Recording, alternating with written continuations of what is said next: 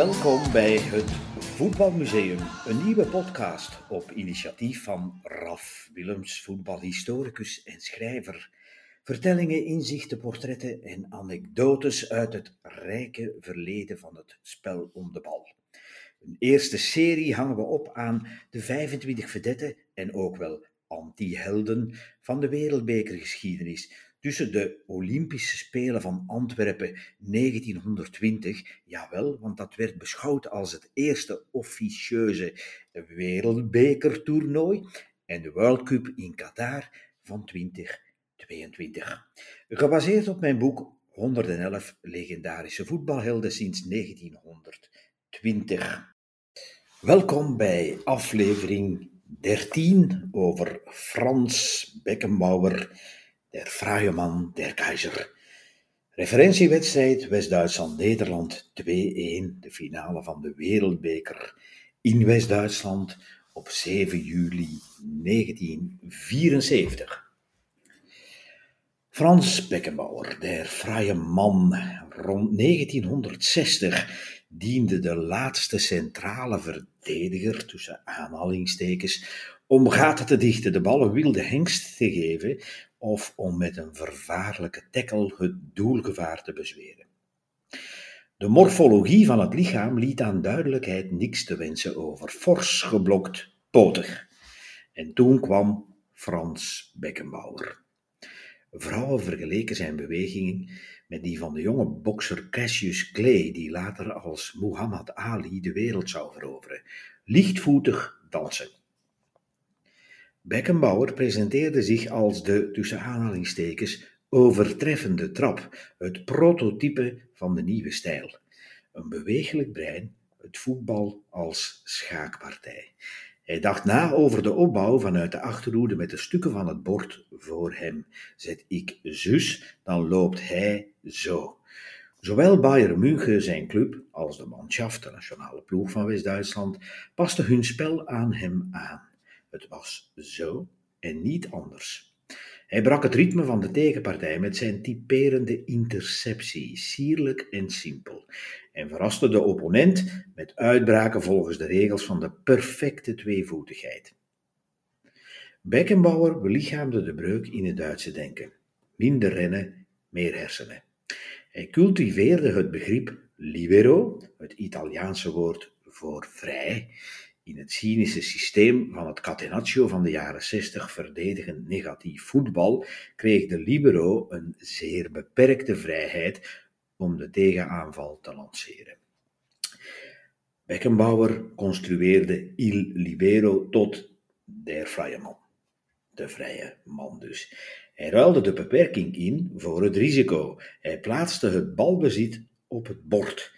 Wetenschappelijk onderzoek wees uit dat hij meer de bal monopoliseerde dan bijvoorbeeld middenvelder Günter Netzer, de spelmaker van de nationale ploeg van Duitsland, of Mietvoor Pele.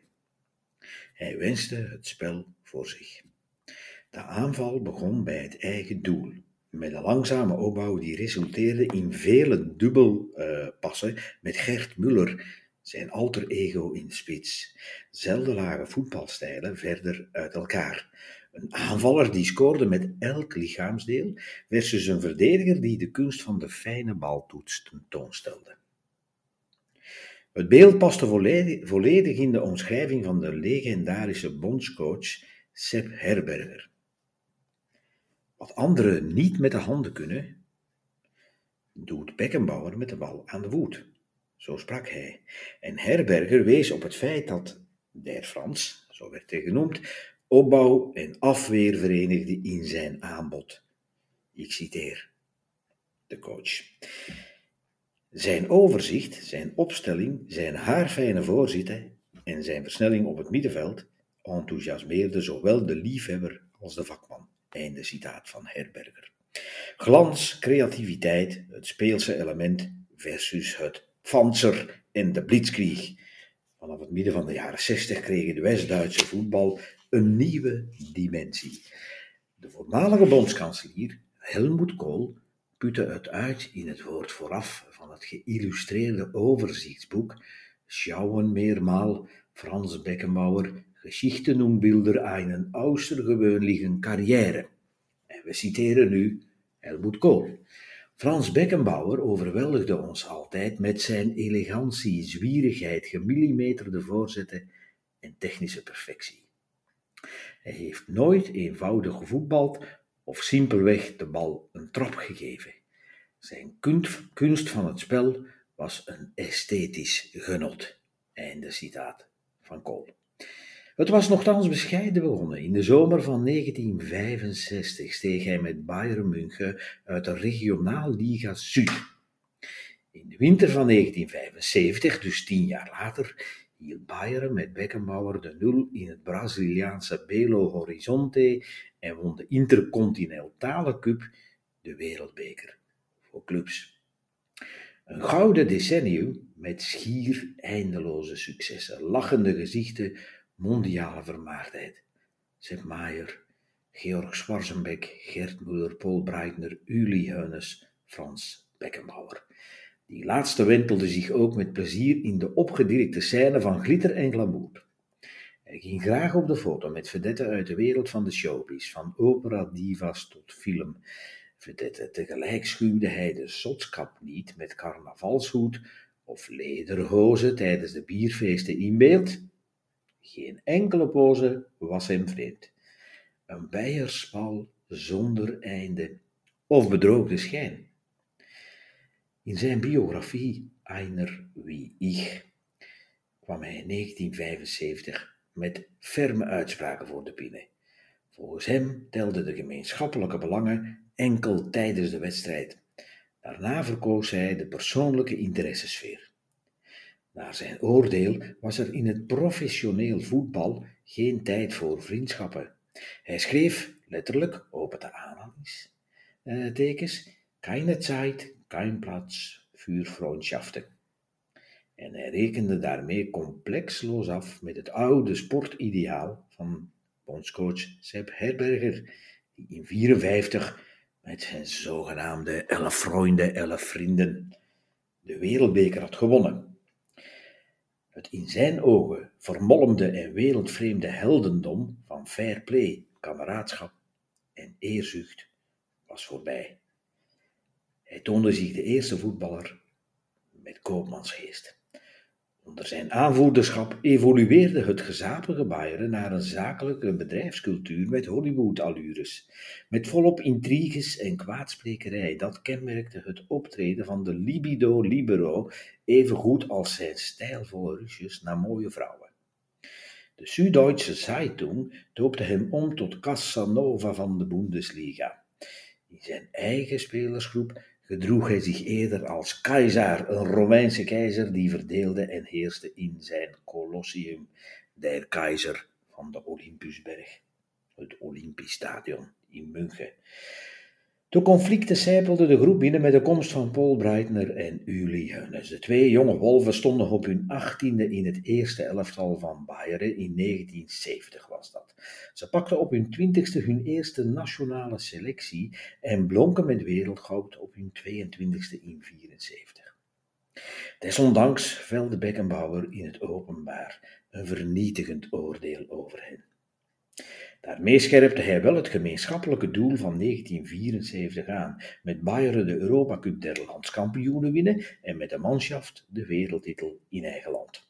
Dat realiseerde uh, hij en zijn spelers, zijn medespelers liever, in een tijdspanne van amper acht weken. Daarna openbaarde zich de neergang als een chroniek van het aangekondigde verval. In zijn autobiografisch verhaal ich wie es wirklich war, dus ik zoals het echt geweest is, beschrijft hij hoe de Vetes Bayern naar de ondergang leidden. Ik citeer hem. Coach Udo Lattek, Heunes en Breitner leden aan een soort minderwaardigheidscomplex. Ze ergerde zich aan de zogenaamde macht van doelman Maier, Spitsmuller en mezelf. Er was geklets, nijd en afgunst. Het verspreidde zich als een aanstekelijke ziekte. Iedereen geloofde plots belangrijker te zijn dan het elftal en dacht dat we onklopbaar geworden waren als Weltmeister. Maar zo werkt het niet. Bayern begon het seizoen met zes wereldkampioenen en verloor meteen met 6-0. Latek, Heunes en Breitner bleven de spot met mij drijven. Ze wilden mij buiten. Einde citaat.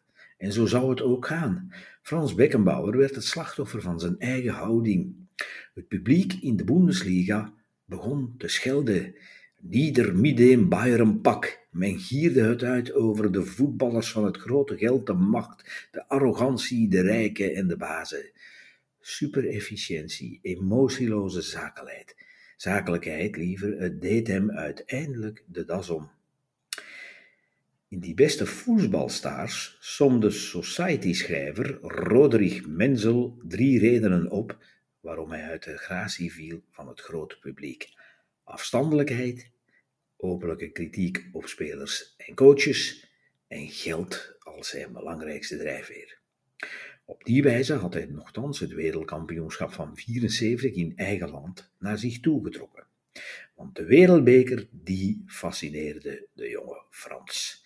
Uitblinkende credits van de mondiale media ontvangen en dan toch het deksel op de neus krijgen, zoals in 1966 in Engeland tweede en in 70 in Mexico derde, dat was hij beu. In eigen land en stad in 74, daar moest het gebeuren. Van een liep het niet. De West-Duitse internationals ruzieden met de bondstop over geld en voetbalden in de groepsfase zo ondermaats dat het thuispubliek haar favorieten uitvloot. Intussen was het totaalvoetbal van Nederland het gespreksonderwerp van het toernooi. 14-1 doelpuntenverhouding en superieure klasse. Het oranje van Johan Cruijff trok als grote favoriet de finale in, maar de manschaft groeide na zegens tegen Zweden 4-2, Joegoslavië 2-0 en Polen 1-0 naar het moment van de waarheid. Beckenbauer zette de selectie naar zijn hand deed een geslaagde greep naar de macht en nam die feitelijk over van bondscoach Helmoet Schön. Hij koos voor een realistische spelstijl en dicteerde tegenover het Hollandse balbezit wachten, organiseren, zien en strijden. Hij was voorbereid op een tegendoelpunt, maar verwachtte het niet na 17 baltoetsen in de eerste minuut. Nadat Heunes Kruif omverkeilde, plafte Neeskens de penalty ijskoud binnen, 0-1 voor Oranje. Van dan werd van hem psychologisch vakmanschap vereist. Hij probeerde de eigen verdedigingsruimte te vullen met overzichtelijke opbouw zonder harde trappen. En de boodschap mee te geven dat die vroege tegengoal hen niet deerde. Hij stuurde Heunes een paar keer de diepte in met steile voorzetten en scheurde zo de flank open. Men herkende overal zijn krullen, zijn rechtstaande rug, zijn gesticuleer, zijn bij vlagen keizerlijke optreden. Hij kreeg de reorganisatie onder controle. 1-1 strafschop Bruiner. Hij bespeurde enige aarzeling bij Johan Cruijff. Het laatste kwartier van de eerste helft moest een kolfje naar de hand van Gert Muller worden. Dit soort situaties wisten ze wel uit te buiten. Enige verontrusting in de rivaliserende rangen en uit het niets een bal buiten bereik van de keeper duwen. In de tweede helft bleef Oranje de druk opvoeren. In zijn dagboek Frans Beckenbauer, WM 1974, liet hij volgende zin opnemen opende aanhalingstekens. Als zij in de tweede uh, helft uh, kwamen aanvallen, de Nederlanders dus, werd de druk zo sterk dat we enkel dankzij de grote God en de lieve Sep, onze keeper Maier, wisten te winnen. West-Duitsland ontsnapte volgens hem dus met de hulp van God en van doelman Sepp Maier. Beckenbauer bewees zijn autoriteit door in de finale de betere te zijn van Cruijff. Diep in de tweede helft kwam hij steeds meer in zijn geliefde spel. Hij wachtte zijn tegenstanders uitdagend op, draaide zich om in het eigen strafschopgebied en legde de bal met finesse terug op doelman Maier. Bij het eindsignaal voelde hij zich eindelijk Weltmeister, der Weltmeister, der Chef. Het was zijn zegen, die van de libero, der vrije man, de vrije man, Frans Beckenbauer. Hij won met Bayern München vier keer de landstitel, vier keer de beker, de Europacup der bekerwinnaars, drie keer de Europacup der landskampioenen, de Europese Supercup en de Wereldbeker voor clubs. En dat allemaal tussen 1966 en 76. Nadien drie keer kampioen met New York Cosmos, 77, 78 en 80. En nog één keer met Hamburger Sportverein, toen hij terugkeerde vanuit de Verenigde Staten in 82. 103 interlands met de nationale ploeg van Duitsland, Europees kampioen 72, wereldkampioen in 74, halve finale WK in 70, finale WK in 66 en finale EK in 76. Gouden bal, Ballon d'Or in 72 en 76.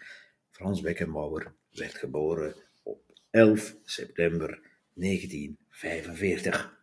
En dit was aflevering 13.